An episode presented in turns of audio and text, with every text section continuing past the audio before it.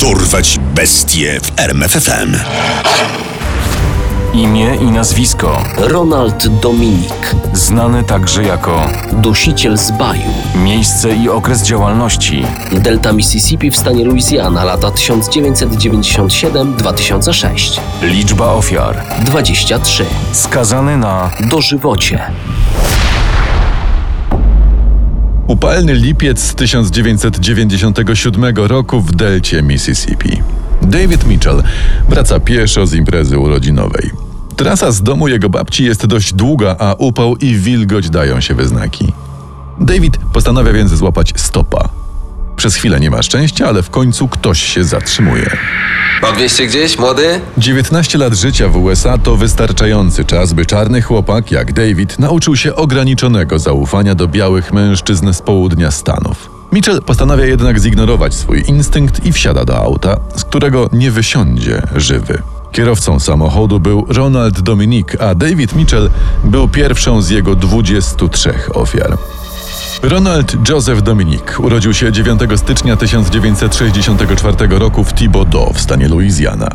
Pochodził z robotniczej rodziny mieszkającej na osiedlu przyczep kempingowych na obrzeżach miasta. Mimo skrajnej biedy, w której się wychowywał, sumiennie chodził do szkoły. Nie miał tam jednak zbyt wielu przyjaciół. Ronald był melancholikiem, nie umiał się porozumieć z innymi uczniami, do tego miał problemy z nadwagą, był biedny, miał niską samoocenę, nie uprawiał sportu, nie pił, nie palił, no nie robił nic, co robiły fajne dzieciaki. W skrócie, był idealnym celem do prześladowań. Niedługo przed ukończeniem liceum Ronald odkrył, że jest gejem, co dla innych uczniów stało się kolejnym powodem do docinków, prześladowań i pobić. Po ukończeniu liceum Dominik dostał się na Nichols State University, co było niemałym osiągnięciem dla chłopaka z biednej robotniczej rodziny. Jako kierunek studiów wybrał informatykę. Przez chwilę wydawało się, że Ronald jest na dobrej drodze do ułożenia sobie życia. Tak się jednak nie stało. W połowie lat 80. chłopak niemal z dnia na dzień stracił zainteresowanie studiami i odszedł z uczelni. Niewykształcony Ronald Dominik, by zarobić na siebie, był zmuszony do wykonywania niewymagających, słabo płatnych prac. Co więcej, z powodów dyscyplinarnych często z tych prac wylatywał. Stabilności zatrudnienia nie sprzyjały także konflikty z prawem, głównie na tle seksualnym. Jednym z poważniejszych było oskarżenie o gwałt w 1996 roku, które trafiło do organów ścigania za sprawą sąsiadów siostry, z którą mieszkał Dominik. No i wtedy, panie władzo, przez okno wyskoczył półnagi mężczyzna. Ronald biegł za nim, zgwałcił go, a potem chciał go zabić. Ale mu przeszkodziliśmy. Ronald Dominik został aresztowany, a sąd ustalił kaucję na 100 tysięcy dolarów. Lecz gdy przyszła data procesu, prokuraturze nie udało się znaleźć ani ustalić tożsamości ofiary, dlatego sprawę oddalono. Nieco ponad pół roku po niedoszłym procesie z rąk Dominika zginął David Mitchell.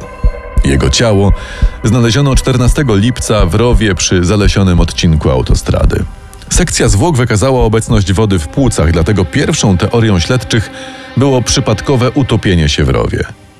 Tej teorii stanowczo przeciwstawiał się ojciec Davida. Nie rozśmieszajcie mnie. Mój syn doskonale pływał, a wody w rowie było no, góra po kostki. No i co ze spodniami spuszczonymi do kostek?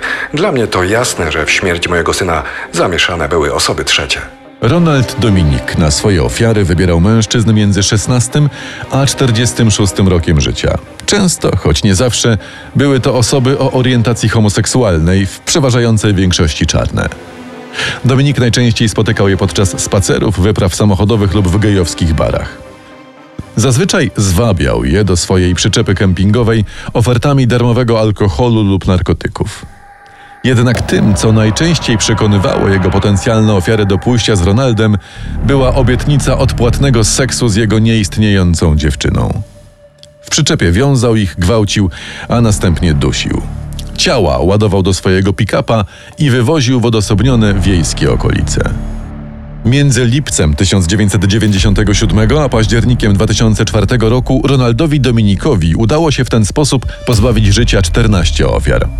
W październiku morderca po raz pierwszy zmienił profil swojej ofiary, na którą wybrał 21-letniego Michaela Barnetta. Zwłoki Barnetta znaleziono 24 października 2004 roku. Co mamy? Znowu młody mężczyzna, znowu związany, zgwałcony i uduszony. Jedna różnica, tym razem jest biały, ale myślę, że to może być ten sam sprawca. Coś mi mówi, że możesz mieć rację. Mimo tego policjanci mieli bardzo niewiele poszlak mogących ich naprowadzić na mordercę. Z niektórych ofiar udało się odzyskać materiał DNA potencjalnie należący do sprawcy. Jednak porównanie z bazą materiału genetycznego znanych przestępców pasujących do profilu nie dawało żadnych rezultatów.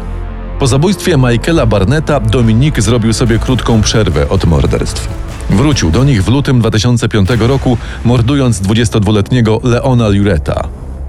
Liret był alkoholikiem i włóczęgą, mającym opinię awanturnika. Co ciekawe, znał on także dwie wcześniejsze ofiary Dominika: Michaela Barnetta i Anoke Jonesa. W przypadku Jonesa Liret był nawet traktowany jako główny podejrzany, co zmieniło się dopiero gdy sam okazał się być ofiarą dusiciela z Bayou. Dwa miesiące później, po śmierci 31-letniego bezdomnego Augusta Watkinsa, policjanci zaczęli na serio traktować swoją wcześniejszą hipotezę, że wszystkich morderstw z tym powtarzającym się opus moderandi dokonał ten sam morderca. Dlatego zdecydowano o przekazaniu sprawy dusiciela z Bayou do FBI. W czasie, gdy FBI szukało sposobów na dotarcie do sprawcy, Dominik mordował w najlepsze.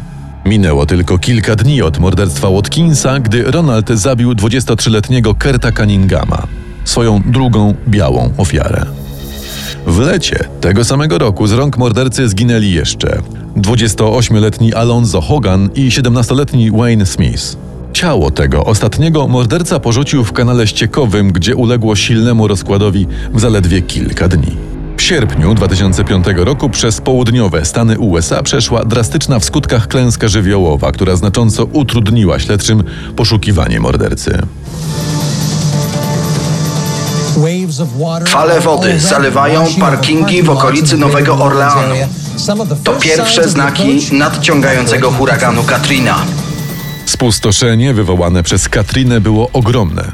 Szkody szacowane były na 125 miliardów dolarów. Wiele rodzin straciło cały dorobek życia. Huragan spowodował także śmierć około 1800 osób. Katastrofa ta była jednak idealną okazją dla seryjnego mordercy.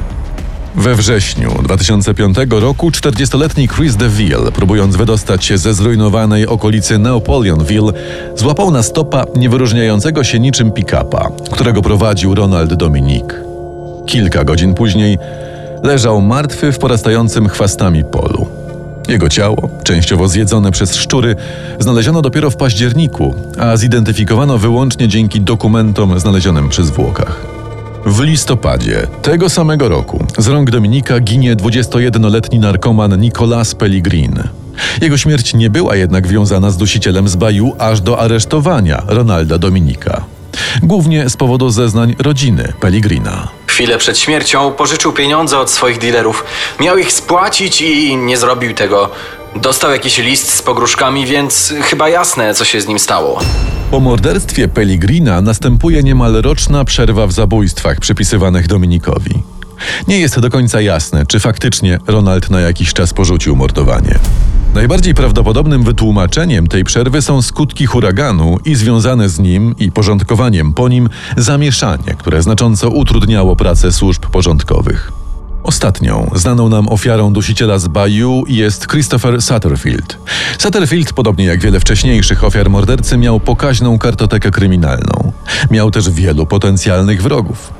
Policji brakowało punktów zaczepienia, szczególnie, że z przesłuchań rodziny i przyjaciół wynikało, że Christopher ostatnio był widziany odjeżdżając czarnym suwem z bliżej niezidentyfikowanym mężczyzną. Przy ciele Satterfielda nie znaleziono żadnych śladów wskazujących na tożsamość mordercy. Ani FBI, ani policja nie miały żadnych solidnych podejrzanych pasujących do morderstw z Bayou. Śledztwo zdawało się od lat tkwić w martwym punkcie, gdy niespodziewanie w listopadzie 2006 roku nastąpił przełom. Wszystko za sprawą Rickiego Wallace'a, dobrze znanego policji narkomana i kłamcy.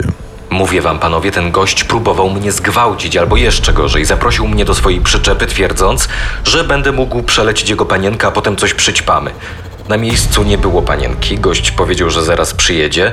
Tymczasem on mnie zwiąże, bo ją jarają tego typu zabawy. Powiedziałem mu, że zwariował i uciekłem, gdzie pieprz rośnie. Typ nazywa się Ronald Dominik. Mimo, że policjanci wątpili w historyjkę Wallace'a, to postanowili sprawdzić Dominika i zaprosili go na przesłuchanie. Podczas którego poprosili go o dostarczenie próbki DNA, na co Ronald przystał bez protestów. Tydzień później, ku wielkiemu zaskoczeniu śledczych, DNA dostarczone przez Dominika zostało dopasowane do śladów znalezionych na ciałach dwóch ofiar dusiciela z Baju Oliviera Lebenksa i Manuela Rida. W związku z tym niezwłocznie wydano nakaz aresztowania Ronalda Dominika. Po krótkich poszukiwaniach morderca został aresztowany 1 grudnia w schronisku dla bezdomnych. Tuż po aresztowaniu Dominik przyznał, że po oddaniu próbki DNA wiedział, że zbliżają się problemy, dlatego wyprowadził się z domu siostry i zaczął ukrywać się w schroniskach, bo nie chciał więcej sprawiać jej kłopotu. Nie próbował również ukrywać swojego zamieszania w morderstwa. Nie będę wam ściemniał, panowie, to nie ma sensu. Wszystko wam opowiem ze szczegółami. Zabijałem i to wielokrotnie. Sam nie wiem ile, co najmniej 23. Zapraszałem ich na seks i proponowałem wiązanie. Jeśli się nie zgadzali, to wychodzili wolno, ale jeśli byli chętni do wiązania, to uprawiałem z nimi seks, czy tego chcieli, czy nie. Potem bałem się, że na mnie doniosą, a po przygodach z 96 nie chciałem wracać za kratki nawet na chwilę, więc postanowiłem nie zostawiać świadków. Historia Ronalda Dominika nigdy nie zyskała tak wielkiego rozgłosu jak historie innych seryjnych morderców. Głównie dlatego, że w chwili jego aresztowania cała Ameryka wciąż żyła efektami huraganu Katrina i naprawianiem szkód po nim. A gdy w roku 2008 przyszedł czas na proces, który niewątpliwie odbiłby się szerokim echem, Ronald Dominik szybko zaakceptował ofertę ugody zaproponowaną przez prokuratorów. Według niej resztę życia spędzi w więzieniu, nie mając możliwości starania się o zwolnienie warunkowe. Poznaj sekrety największych zbrodniarzy świata. Dorwać bestie w RMFFM.